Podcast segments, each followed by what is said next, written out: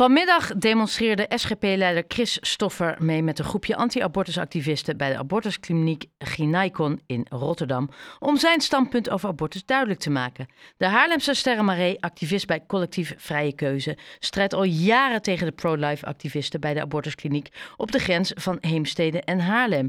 Sterre, goedenavond. Goedenavond. Wat was je eerste reactie toen gisteren de aankondiging binnenkwam dat dit zijn plan was? Nou, ik hoorde het vanochtend uh, via de WhatsApp-groep van, mijn, uh, van, van, ons collectief. En uh, toen was meteen, want toen was het nog niet helemaal duidelijk, geloof ik, dat hij naar Rotterdam Klopt. zou gaan. Althans, het was bij, bij, mij nog niet helemaal duidelijk.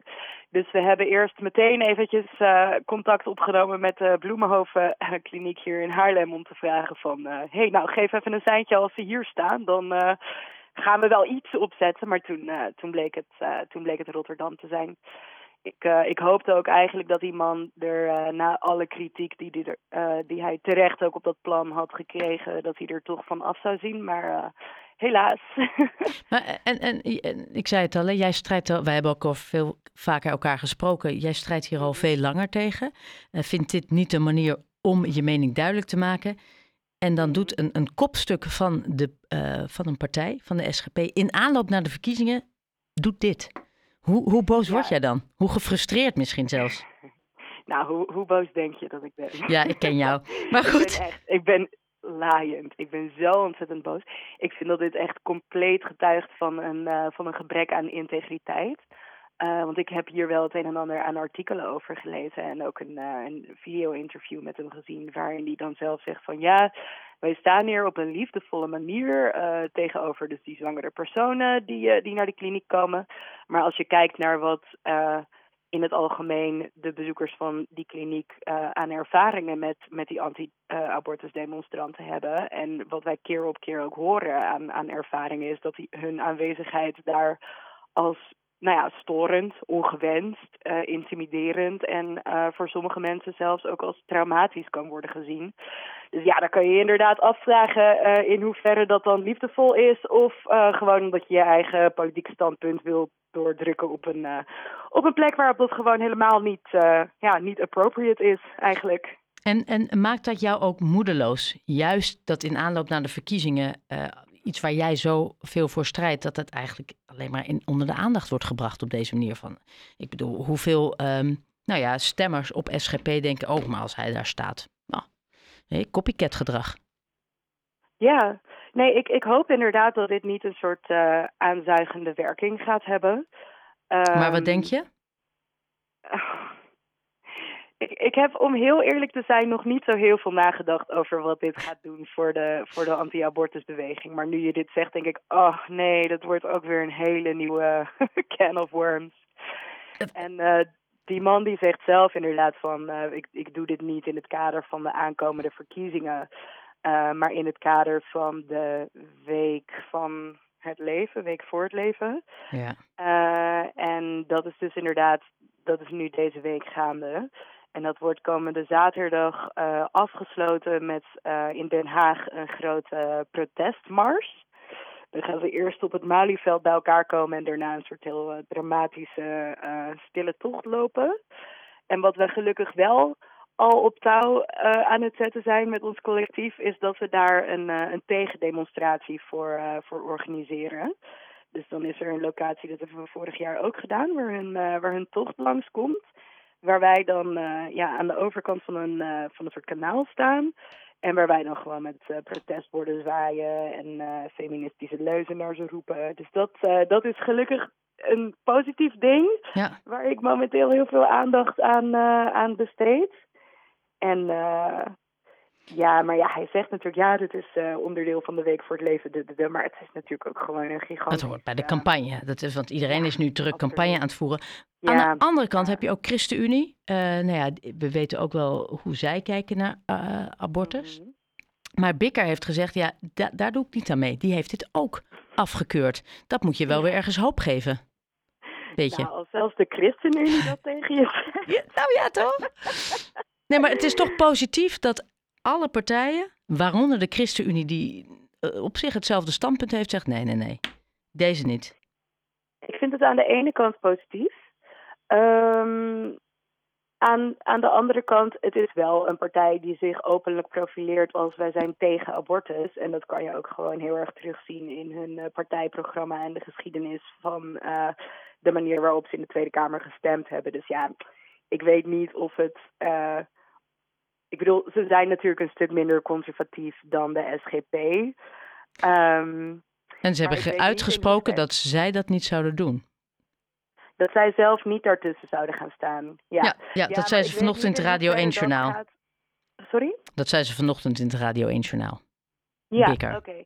Ja, ja ik, ik weet verder niet, ik heb dat, uh, ik heb dat journaal ja. verder niet gehoord hoor, maar ik weet verder niet in, in hoeverre dat echt uit integriteit is of omdat het uh, hun uh, verkiezingscampagne niet ten goede komt. Maar, ja. maar goed, ja, dat is allemaal speculatie. ja, want, want hoe, hoe kwetsend is het dat vrouwen die een abortus ondergaan te, te, kampen hebben met die demonstranten. Het woord liefdevol wat uh, Stoffer gebruikte, die, uh, ja, daar heb jij helemaal niets mee op. Nee, dat, dat, kan, dat kan wat mij betreft gewoon echt de prullenbak in.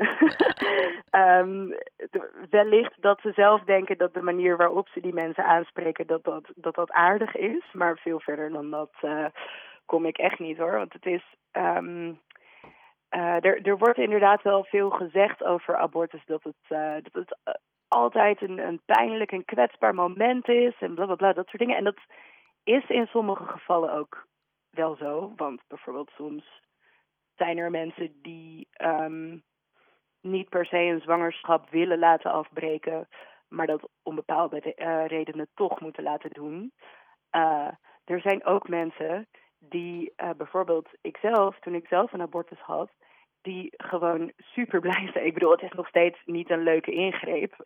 Je moet een deel van de dag bij de kliniek zijn en het is fysiek tamelijk zwaar. Maar mensen zoals ik zijn gewoon eigenlijk vooral vrij ongecompliceerd heel blij dat ze een abortus kunnen krijgen. Maar in ieder geval, er wordt dus vaak wel heel veel focus gelegd op dat het, uh, dat het heel zwaar en heel moeilijk voor mensen is. En dat hoeft niet per se zo te zijn. Dus dat wil ik in de eerste instantie zeggen. Maar stel je nou voor dat je daar komt omdat je om medische redenen je gewenste zwangerschap moet laten afbreken. En er staan die mensen daar voor de deur. Of jij wil um, je zwangerschap laten afbreken, maar je komt bijvoorbeeld uit een conservatief milieu. Uh, en twijfelt om die reden. Niet omdat je het zelf niet wil, maar omdat je invloeden van buitenaf hebt gehad die je daarover uh, een soort schuldgevoel uh, aanpraten. En er staan dan mensen voor de deur die tegen jou, ja, die zich zo geroepen voelen om tegen jou te zeggen dat je die ingreep niet moet ondergaan. Dat ze dus in weer en wind voor zo'n kliniek gaan staan met, nou ja, vaak ook echt desinformatie uh, medische desinformatie, dat uh, natuurlijk heeft dat een impact. En ik zou gewoon zo graag in een, in een wereld willen leven waarin, waarin abortus dat, dat stigma niet meer heeft. En waarin mensen zich er ook niet schuldig over hoeven te voelen.